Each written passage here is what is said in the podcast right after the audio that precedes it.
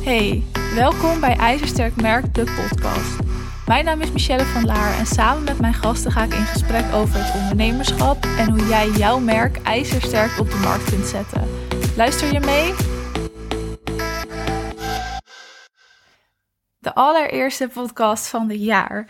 Superleuk. Ik ga geen podcast maken over doelen stellen of over hoe mijn jaar is geweest. Maar ik ga er gewoon lekker meteen vol in. We gaan het namelijk hebben over hoe jij winstgevende content maakt, waar je op moet letten en welke factoren meespelen.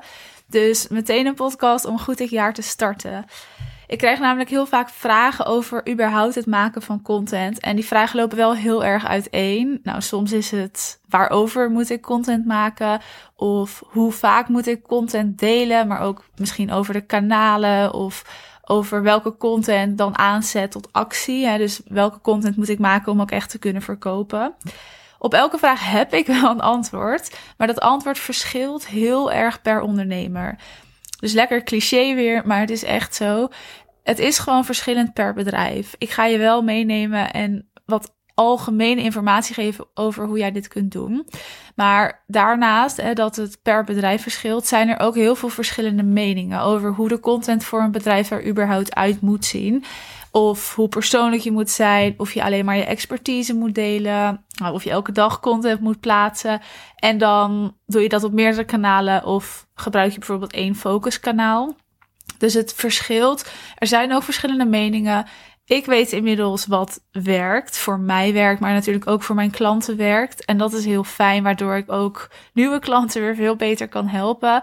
Maar misschien zijn er coaches die wel wat anders aanraden, omdat zij denken dat dat werkt of vinden dat dat werkt. En dat is ook prima. Ik denk niet dat er een goed of fout is. Ik denk gewoon dat het is wat je ervaring leert, daar geloof je in. En ik ben wel heel erg van het testen en uitproberen. Dus het is niet dat ik maar één manier weet wat werkt, want dat kan natuurlijk niet. Ik zie gewoon wat bij welk bedrijf wel werkt en niet. En dat verschilt ook altijd heel erg per bedrijf.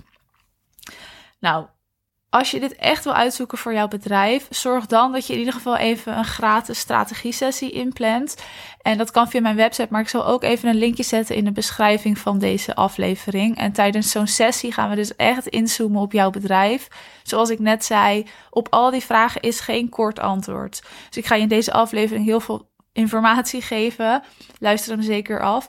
Maar wil je echt informatie hebben ook gerelateerd aan jouw bedrijf? Ja, zorg dan dat je die sessie inplant. Dan gaan we even ja, drie kwartier ongeveer zitten samen. Helemaal gratis. En dan zoomen we gewoon in. Kijken we waar jouw kansen liggen. En natuurlijk ook hoe je dan daarop kunt inspelen. Ik zei net al dat er geen kort antwoord bestaat op zulke vragen. Hè? Dus vragen als hoe vaak moet ik content delen of waarover moet ik content delen. Of wat voor content moet ik delen om nou, mijn doelgroep aan te zetten tot actie?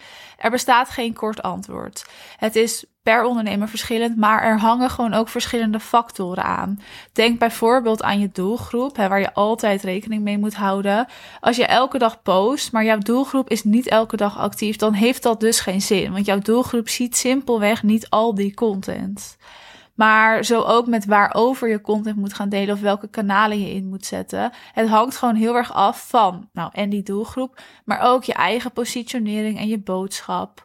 Ook welke strategie jij wilt inzetten, hoe jij jouw sales wilt doen. Nou, ook een beetje misschien hoeveel omzet wil je draaien en wat haal je waar uit. Het is altijd doen, testen, evalueren en dan verbeteren eigenlijk. Er spelen gewoon te veel factoren mee om op zulke vragen een kort antwoord te geven. En zoals ik net al zei, ga ik je toch in deze aflevering wel algemene informatie geven, zodat je zelf aan de slag kunt.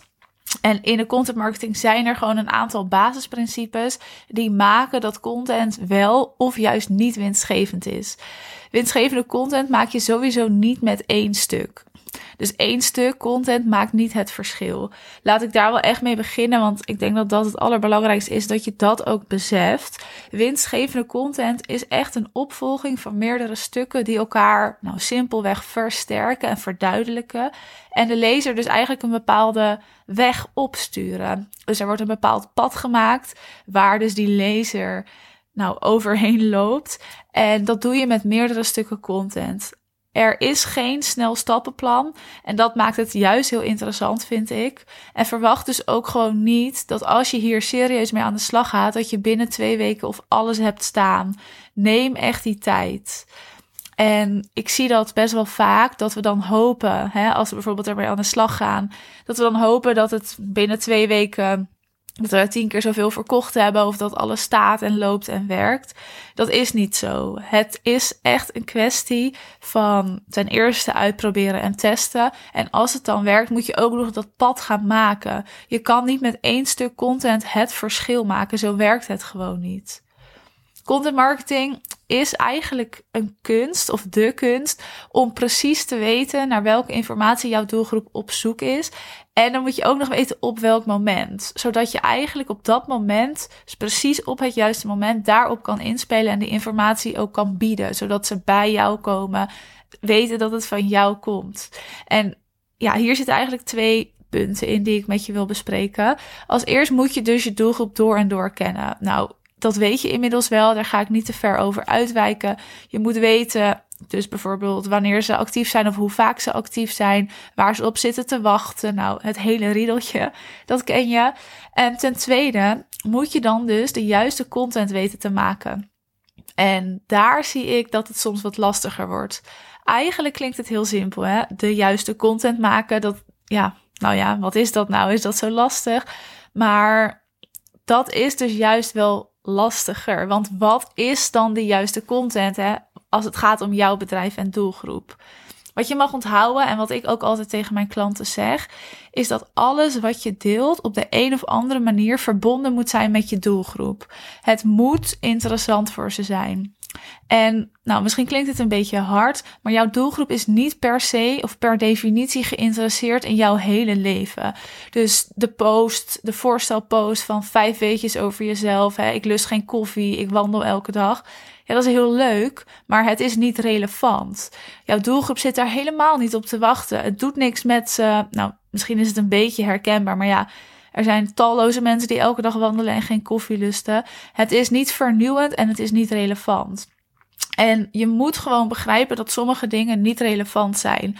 Ook al is het wel leuk om te delen en leuk voor je doelgroep om te weten, het is niet relevant. Dus dat woordje relevant mag je altijd in je hoofd houden als jij content maakt of wilt gaan delen. Vraag jezelf dan af: is dit relevant en vernieuwend?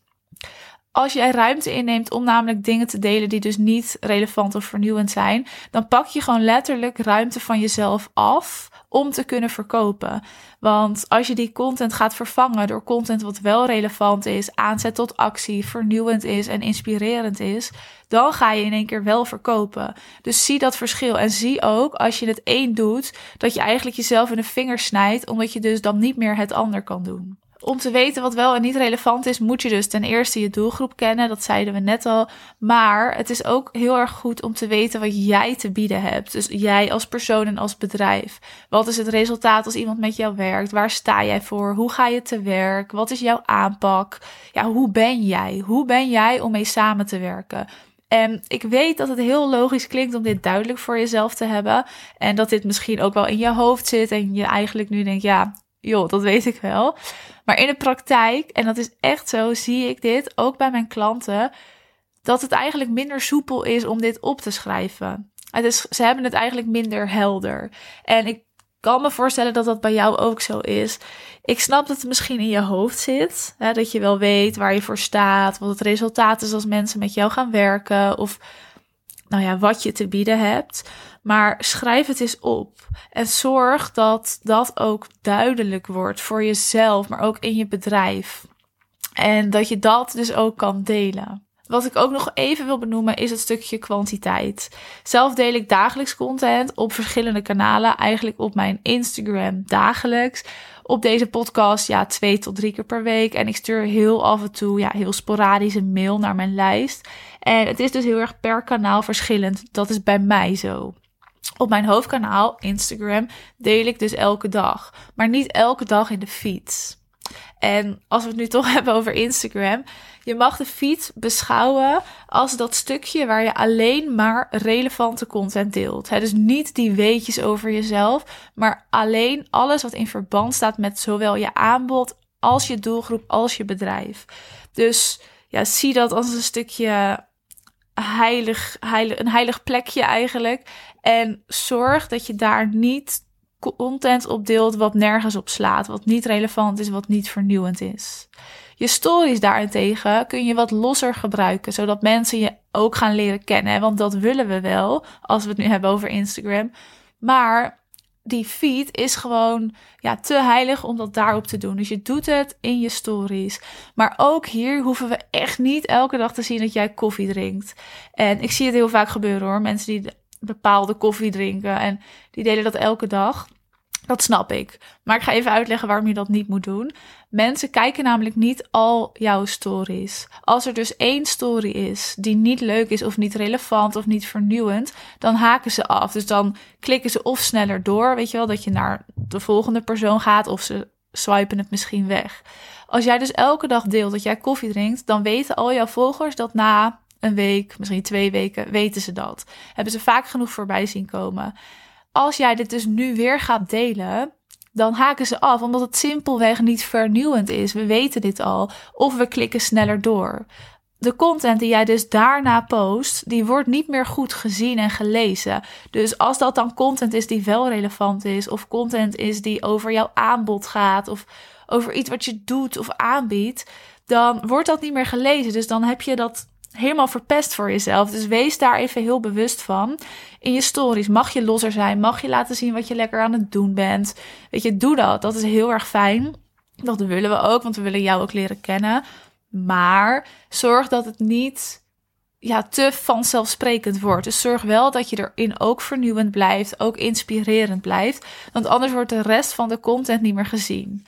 En ik hoop dat je met dit verhaal nu snapt wat het verschil is met content wat wel relevant is en vernieuwend is en content wat niet relevant en vernieuwend is.